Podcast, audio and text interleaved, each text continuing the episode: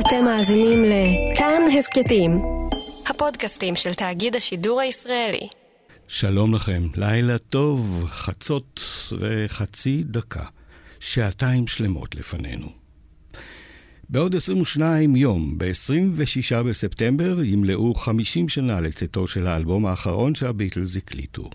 האחרון שהקליטו, אם כי כידוע לא האחרון שיצא.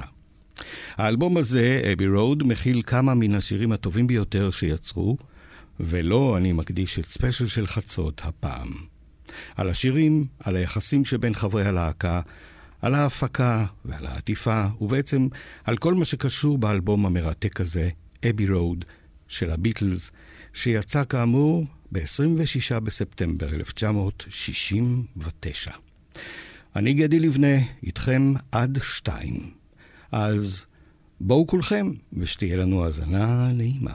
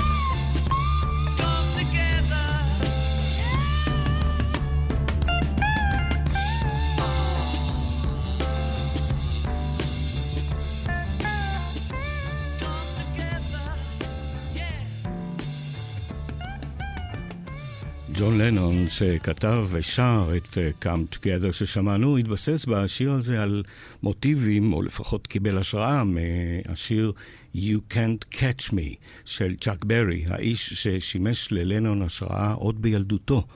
הנה קטע קצר מהשיר הזה להדגמה.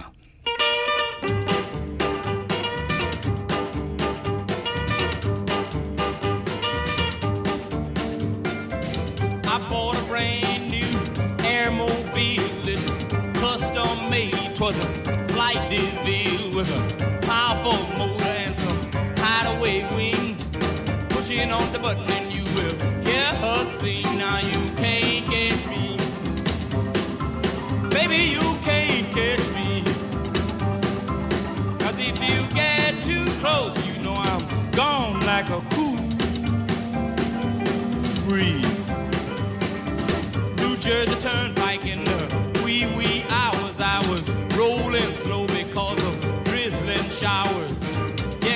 Flat top, he was moving up with me. Then come waving goodbye in a little old souped up jitney. I put my foot in my tank and I began to roll.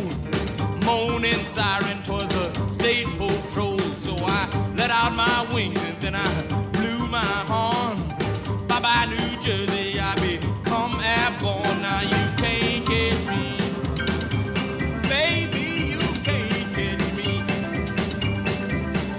if you get too close, you know I'm gone like a cool. You can't catch me, ושמענו את צ'אק ברי כאמור. Uh, אגב, את השיר הזה, Come Together, לנון כתב לקמפיין הבחירות של מושל קליפורניה, אז טימותי לירי, שהתמודד נגד uh, רונלד רייגן על משרת נשיא ארצות הברית. גרסה ראשונית לשיר הזה חיבר לנון בסצנת המיטה המפורסמת שלו עם יוקו. Come Together הוא כמובן השיר שפותח את האלבום אבי רוד, וכך נזכור את האלבום לפי סדר השירים שבו, ובין לבין נספר את כל מה שמעניין. אבל אה, לפני הכל, כמה מילים על הרקע שהביא להקלטת אבי רוד. בעקבות הקלטת האלבום הלבן נוצרו מתחים רבים בין חברי הלהקה, ולמעשה אחרי ההקלטות של Let It Be, שנעשו הרבה לפני, אה, חצי שנה לפני האלבום אבי אה, רוד, הביטלס חדלו להתקיים כלהקה וכל אחד מהם עסק בענייניו. מצד שני נותרו לחברים עם אה, הרבה שירים טובים. שהוקלטו כסקיצות עבור Let It Be, ואפילו קודמים לו, וחלק שאף לא הוקלטו כלל. ופול מקארטני, שהאמין שאפשר עוד לעשות משהו, חשב על אלבום פרידה שיקרא משהו כמו The way we used to do it. הוא טלפן לג'ורג' מרטין והציע לו לאסוף את החברים ולהקליט אלבום אחרון. מרטין הסכים, אבל דרש תנאי אחד, שהוא יהיה אחראי לכל ההפקה ושהחברים יקבלו את החלטותיו. פול הסכים, וג'ורג' מרטין הצליח להביא את שלושת החברים האחרים לאולפני טריידנט בלונדון, ושם נוצר חיבור נפלא ומפתיע בין כל הארבעה. הם עצמם מעידים שההפקה מבחינתם הייתה חוויה יוצאת דופן שגם זיקקה את כישרונותיהם של כל אחד בנפרד ושל החיבור של כולם יחד כלהקה. החיבור ביניהם היה כל כך חזק שהם הרגישו שעליהם להוציא את האלבום הטוב ביותר שהם יכולים עבור מיליוני המעריצים שלהם. כמו שאמר על כך ג'ורג' מרטין עצמו, ניכר היה בהם שהם רוצים להציג פרידה הולמת לעולם. זהו, אז עד כאן uh, הרקע, ועכשיו חזרה למוזיקה ולשיר השני באלבום. Something. ג'ורג' הריסון כתב את השיר המקסים הזה בזמן הקלטת האלבום הלבן, ואת השראתו קיבל משירו של ג'יימס טיילר, Something in the way she moves. השיר תוכנן לאלבום Let It Be, אבל הוא לא נכנס אליו בסופו של דבר. ג'ון אהב את השיר הזה יותר מכל שירי האלבום, ופול טוען שזה השיר הטוב ביותר שג'ורג' הריסון כתב. פרנק סינטרה אמר על Something שהוא שיר האהבה היפה ביותר שאי פעם נכתב.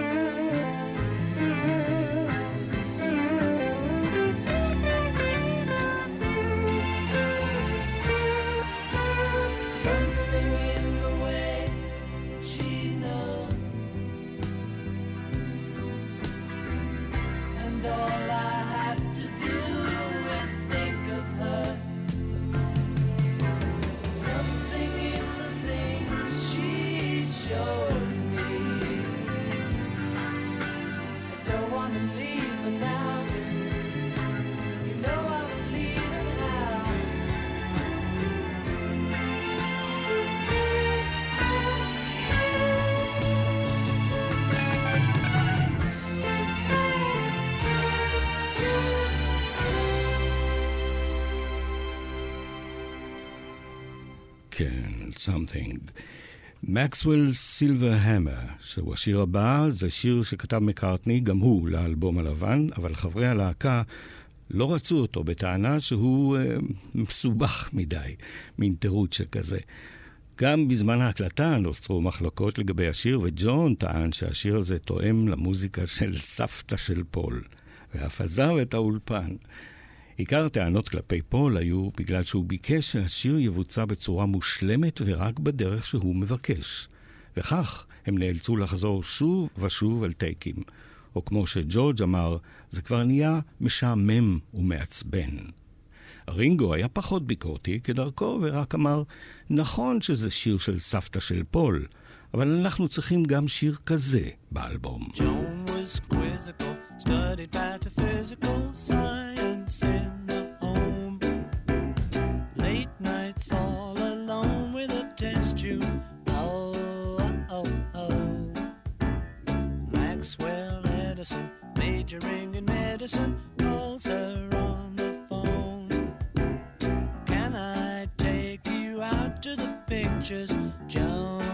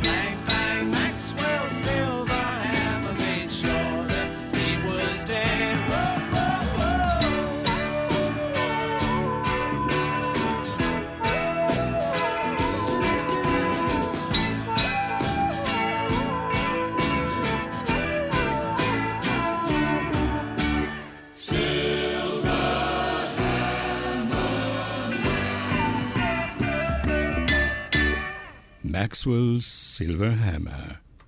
השיר הבא, שגם הוא אה, של אה, פול מקארטני, Oh Darling, הוא שיר אהבה קורע בסגנון שירי ה doo-wop. פול סיפר שהוא הקליט את השירה במשך שבוע, ורק פעם אחת בכל יום, בשעות הבוקר, כי הוא טען שרק אז הקול שלו צלול וחזק. ואכן הטייק השלישי שהוא שר נכנס אל האלבום. אגב, ג'ון לנון, שמעולם לא חסך מילים, אמר על השיר הזה שהוא היה שר אותו טוב יותר מפול. Oh, darling,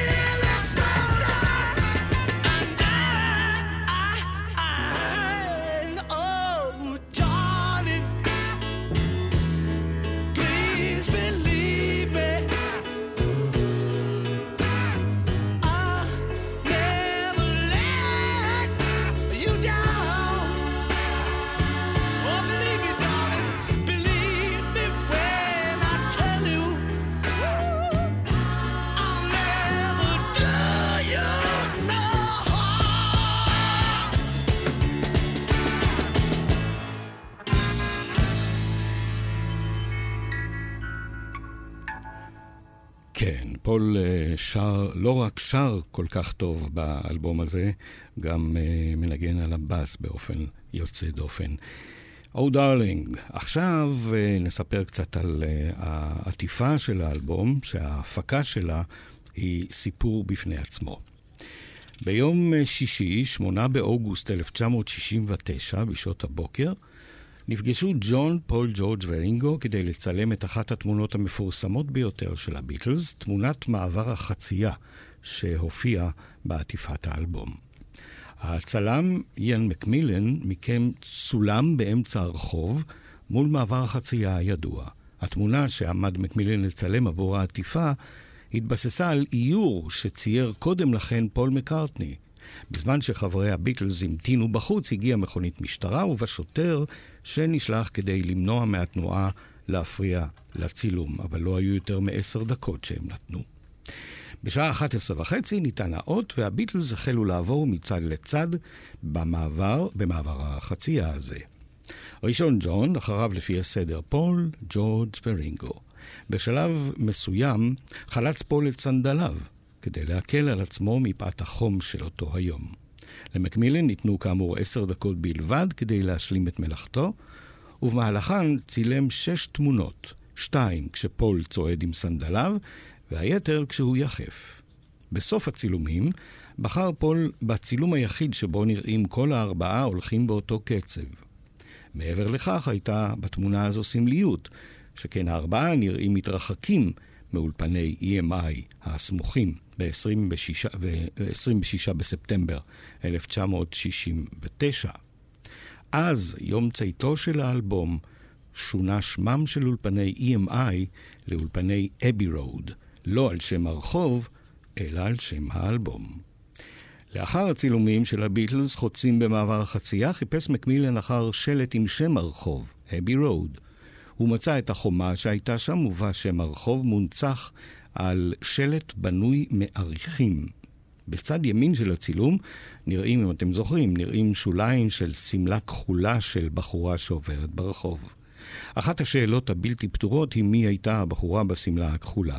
יש טענה שאומרת שהיא עברה שם במקרה ונתפסה בעדשת המצלמה, וזה הרגיז מאוד את מקמילן בהתחלה, עד שכולם חשבו שזה מאוד מתאים לתמונה, ואז כמובן זה התאים גם לעיצוב שהוא רצה. צילום זה שימש לעטיפה האחורית של האלבום, כשמעצב העטיפה הוסיף שלט נוסף שלא היה שם במקור, גם הוא מורכב מעריכים, ובו שם הלהקה ביטלס. לצערנו, היום אין זכר לחומה ולא לשלט מעריכים. אגב, זה האלבום היחיד של הביטלס בו לא מופיע שם הלהקה בחזית האלבום, דבר שהכעיס בהתחלה את ראשי חברת EMI, אבל uh, מעצב העטיפה שכנע אותם כשאמר, הביטלס מספיק מפורסמים, לא צריך לכתוב את שמם. זהו, אז עד כאן על העטיפה של האלבום, ומכאן אל השיר הבא, Octopus's Garden, שנחשב לשיר הטוב ביותר שכתב רינגו סטאר. הוא כתב אותו בטיול שעשה עם משפחתו על סיפון היאכטה של פיטר סלרס, השחקן הבריטי האגדי. בעת הקלטות האלבום, ג'ורג' הריסון שיפץ קצת את המנגינה, אבל הקרדיט על כתיבת השיר ניתן באלבום לרינגו סטאר.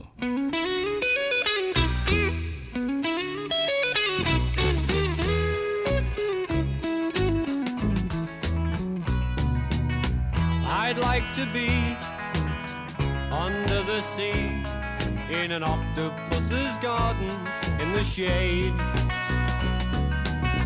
He'd let us in, knows where we've been in his octopus's garden in the shade. I'd ask my friends to come and see an octopus's garden with me. I'd like to be under the sea in an octopus's garden in the shade. We would be warm below the storm, in our little hideaway beneath the waves. Resting our head on the seabed, in an octopus's garden near a cave. We would sing.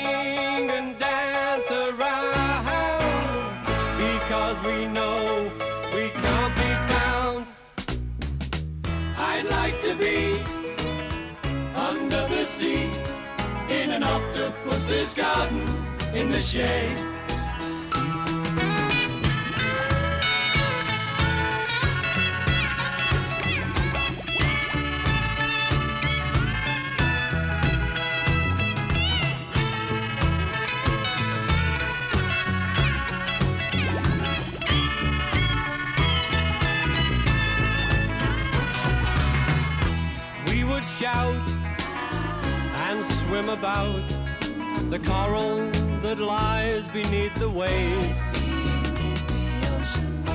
Oh, what joy for every girl and boy, knowing they're happy and they're safe. We would be so happy, you and me. No one there to tell us what to do. I'd like to be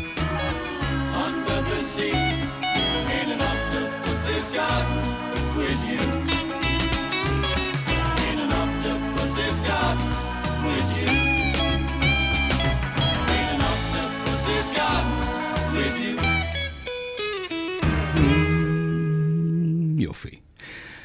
I want you הוא שיר בין מילים אחדות בלבד, שחוזרות על עצמן לאורך כל השיר. לנון כתב אותו לאהובתו יוקו, והוא הוקלט בשני סשנים נפרדים. הראשון בזמן הקלטת השיר Get Back, יחד עם בילי פרסטון, והקטע השני הוקלט במסגרת הפקת האלבום הזה, אבי רוד. שני הקטעים מוזגו יחד לשיר בלוז רוק עוצמתי בן כמעט אה, שמונה דקות.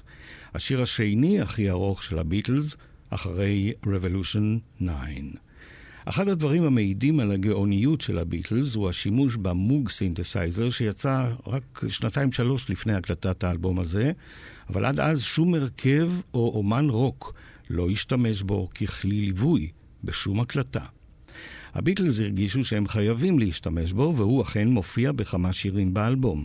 בשיר הזה, שתכף נשמע, לנון ביקש מג'ורג' שייצור רעש לבן בעזרת ה Moog, והקטע הזה מופיע כאפקט של רוח לקראת סוף השיר. לנון גם ביקש מטכנאי ההקלטה של האלבום, ג'ף אמריק, לחתוך בפתאומיות את השיר אחרי 7 דקות ו-44 שניות. אגב, בעת המיקס הסופי של השיר הזה, נכחו ארבעת חברי הלהקה. וזו הייתה הפעם האחרונה שלהם יחד. I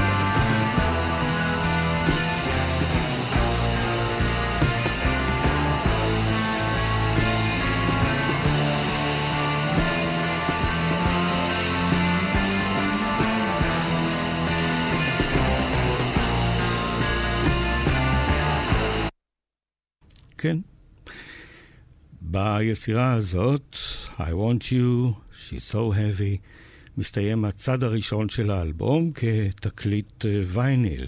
צידו השני מתחיל בשיר Here Comes the Sun, שהוא שיר מספר 7 בדיסק. גם כאן יש שימוש במוג, כמו בשירים אחרים שבאלבום, השימוש בו הוא מינורי, מרומז, אבל מאוד חכם. בשיר הזה הוא מוסיף חמימות ואלגנטיות לשיר עדין ונוגע כל כך, שג'ורג' הריסון כתב בגן ביתו של אריק קלפטון.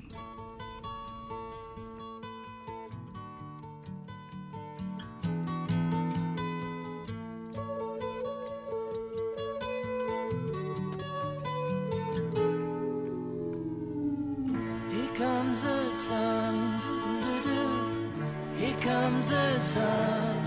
I say it's alright.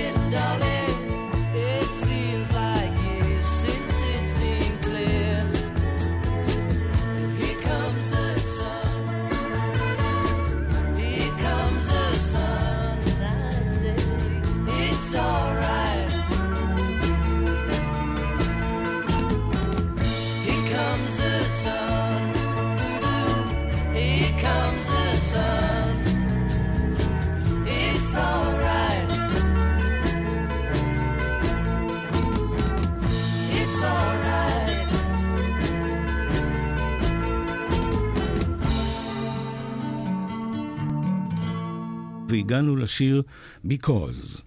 מאחורי כתיבת השיר הזה יש סיפור מעניין. ג'ון, שישב בסלון בבית, על הספה בשקט, שמע את יוקו מנגנת בפסנתר את סונטת ליל ירח. תחשבו על הרומנטיקה מסביב לסיטואציה הזאת. כשסיימה, הוא ביקש ממנה לנגן את היצירה הפוך, כלומר, מהסוף להתחלה. וממה ששמע ג'ון, נולד אחד השירים הכי יפים של הביטלס. תנסו את זה בבית ותראו את ההשראה. ההרמוניות הקוליות של ג'ון, פול, ג'ון, פול וג'ורג' הוקלטו יחד וקולם הוכפל שלוש פעמים כדי ליצור אפקט של תשעה קולות שיצרו את האווירה המיסטית הנפלאה שנושבת מהשיר. הביטלס הודו שזה היה המאמץ הגדול ביותר שהם נדרשו לו מעולם. בשיר מנגן ג'ורג' הריסון במוג, וניתן לשמוע אותו דווקא בשיר הזה היטב. את הפתיחה בצ'מבלו מנגן ג'ורג' מרטין.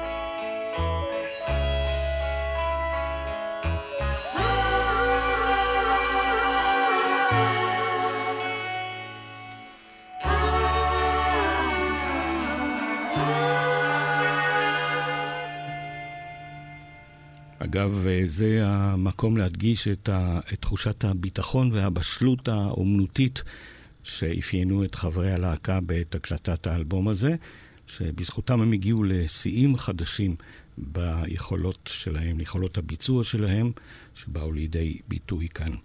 בואו אה, נשמע את ה, אה, רק את הקולות של אה, הביטלס בשיר המופלא הזה. כפי שהם מופיעים באנתולוגיה מספר 3 של הביטלס.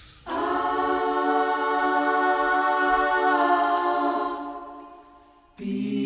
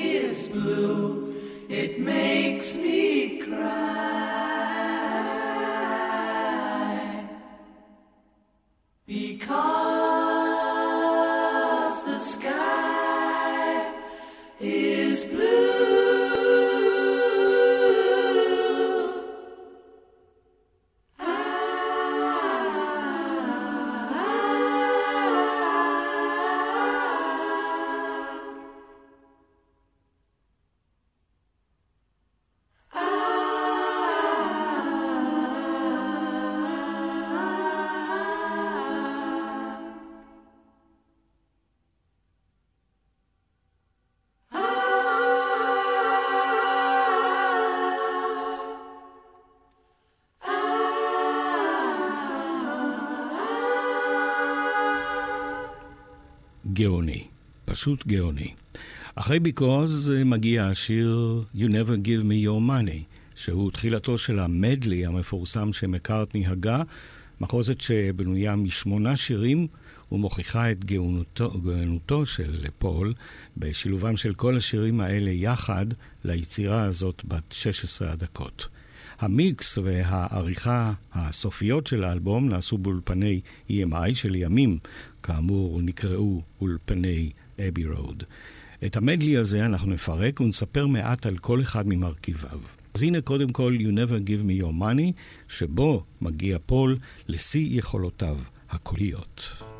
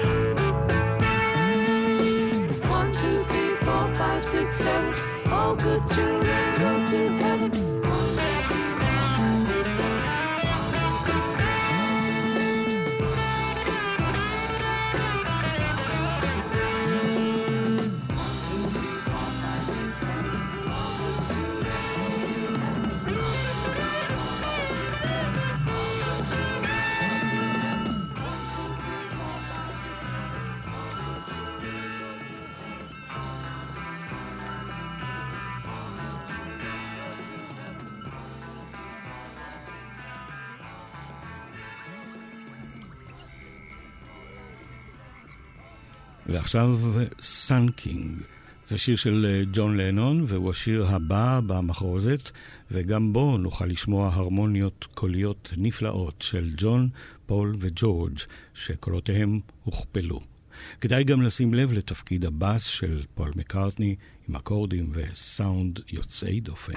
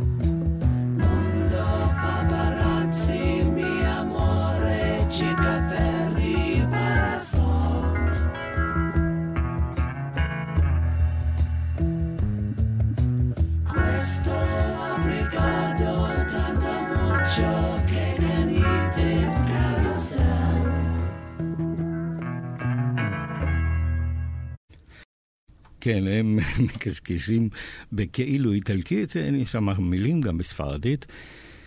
עכשיו, אה, מין, מין, מין מיסטר מוסטרד. זה הקטע השלישי במחרוזת, שיר קצר שלנון כתב שנה קודם לכן בעת המסע שעשו הביטלס להודו. מתחבר אליו שיר קצר נוסף של לנון, פוליסין פאם, שבו קטע סולו גיטרה נפלא של ג'ורג'. אליהם מתחבר She came in through the bathroom window, הראשון מבין ארבעת השירים האחרונים במחוזת הזאת, שהם כולם של מקארטני. את השיר הזה פול כתב בעקבות כניסתה של מעריצה שלו לביתו, דרך חלון חדר האמבטיה. אז נשמע את uh, כולם עכשיו ברצף. And Mr. Mustard sleeps in the shapes in the dark,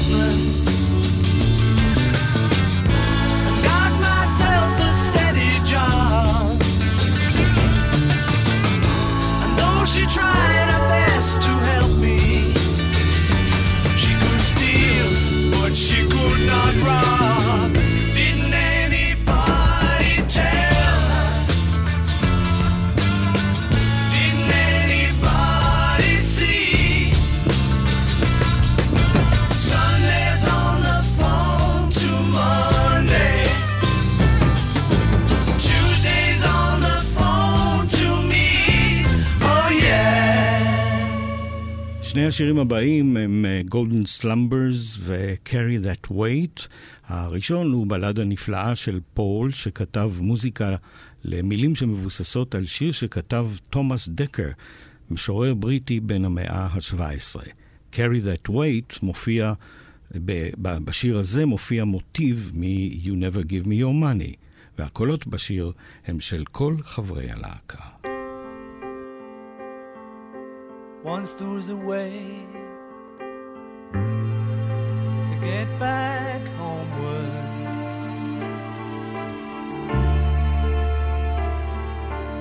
Once there was a way to get back home. Sleep, pretty darling, do not cry. And I will sing a lullaby.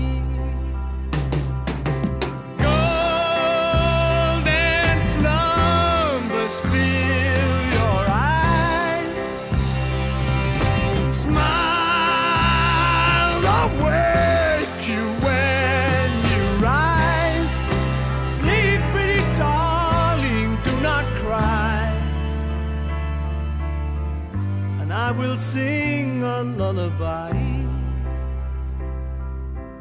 Once there was a way to get back homeward.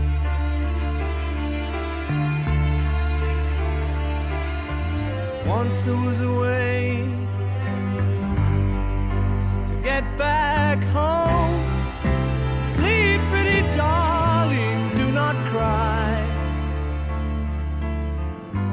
I will sing a lullaby.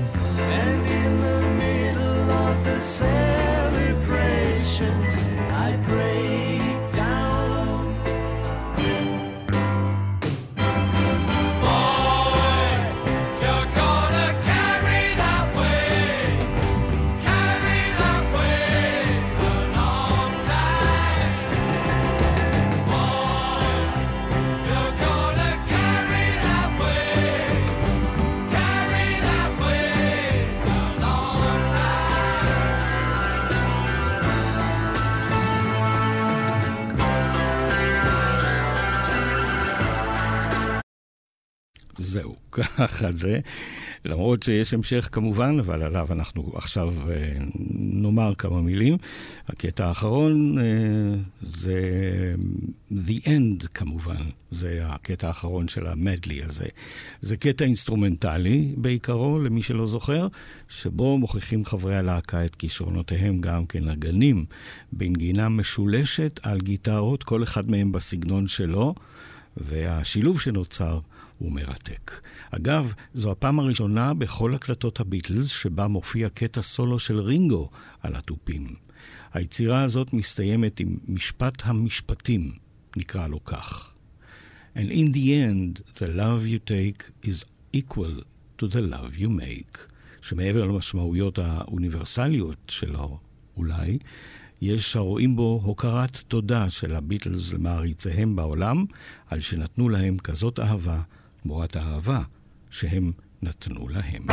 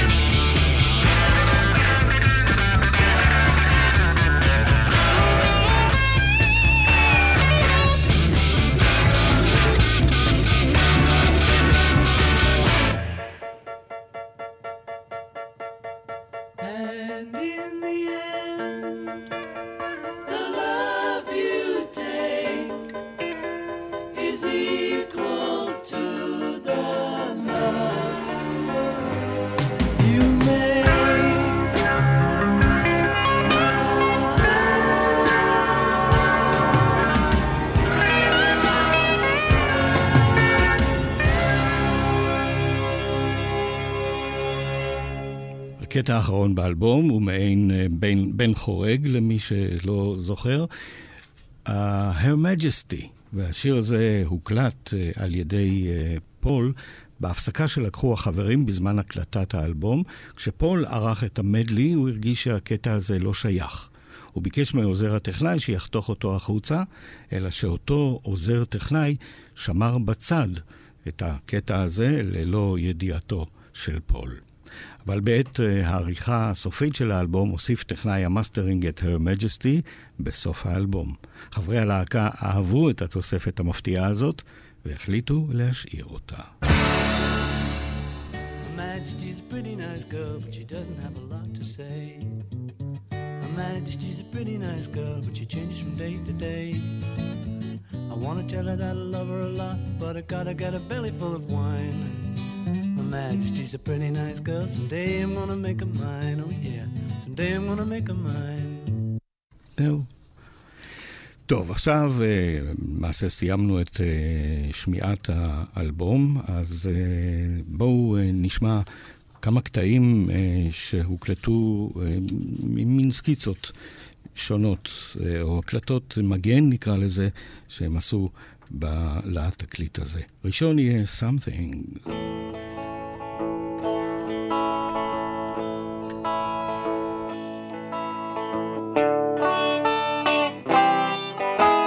Something in the way she moves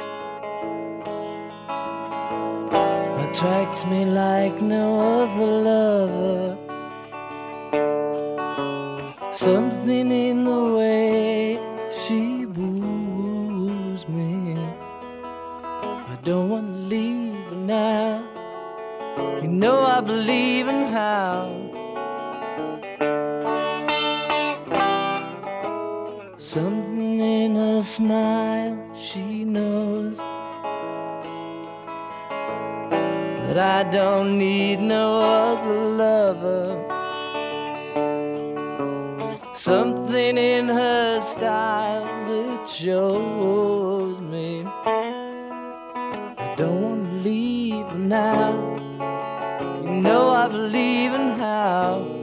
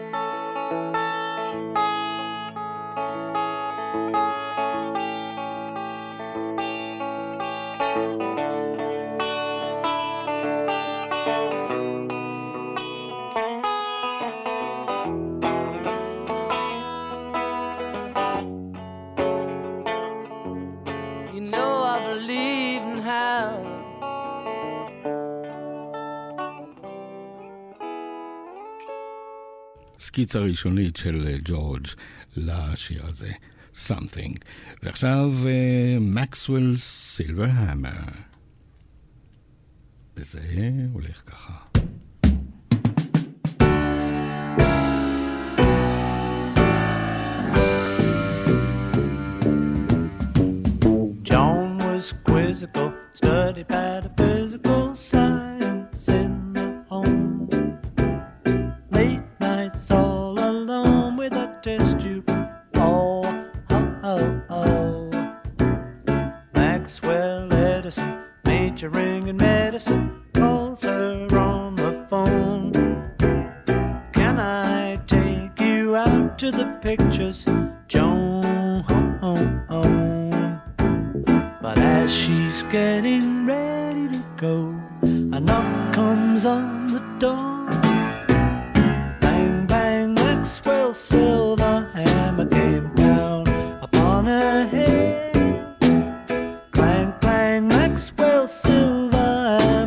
sure that she was dead.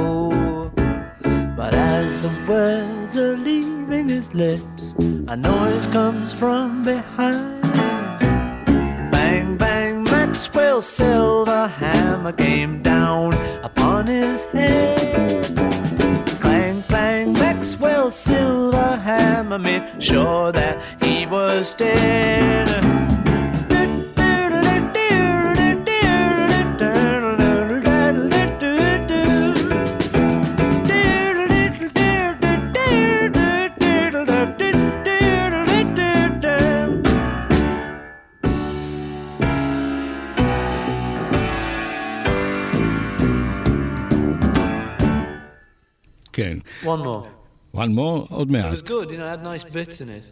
But it'd be nice to have the nice bit and the other bit. ברור. כן, אז אה, זאת הסקיצה של אה, פול, אה, פסנתר, בס וגם תופים ב-Maxwell's Silver Hammer. ועכשיו גרסה אחרת של Oh! Darling.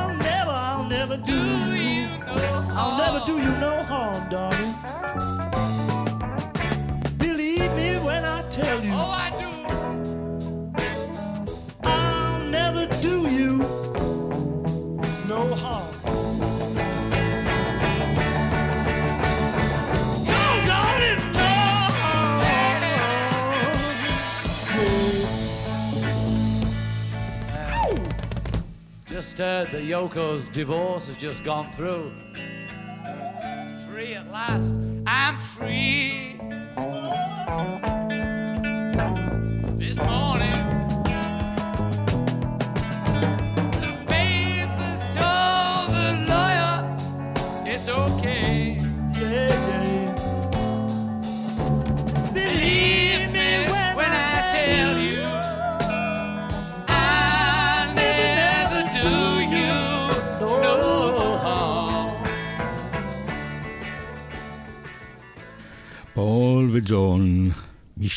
פושעים, מה שנקרא.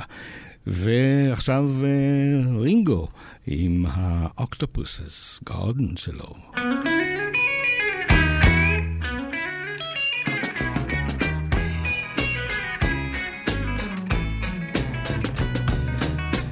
I'd like to be under the sea in an octopus's garden in the shade.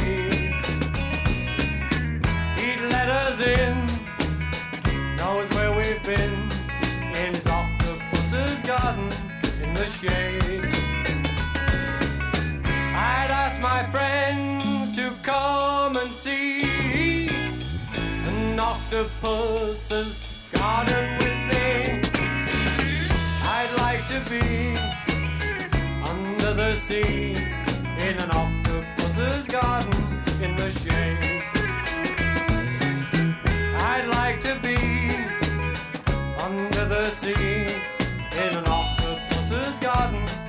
the shade.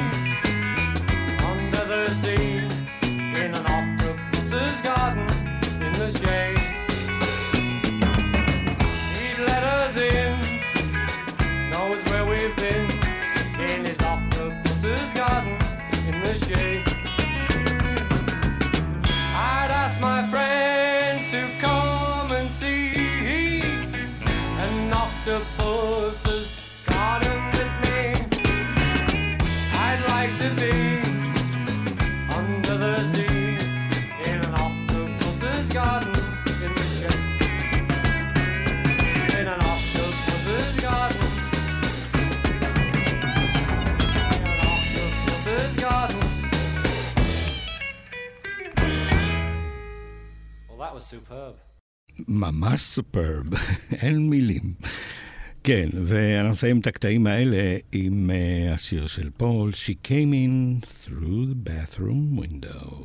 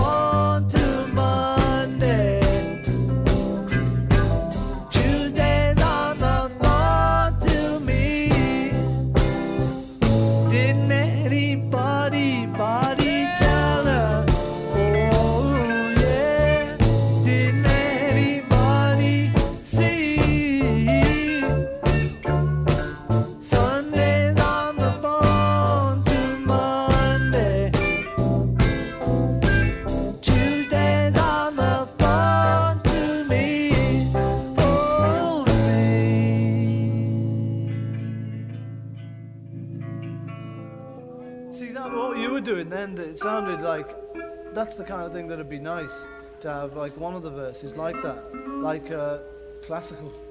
What's that? Uh, what you were doing? Didn't it? And have a couple of them. Didn't anybody tell them? But then just. Uh,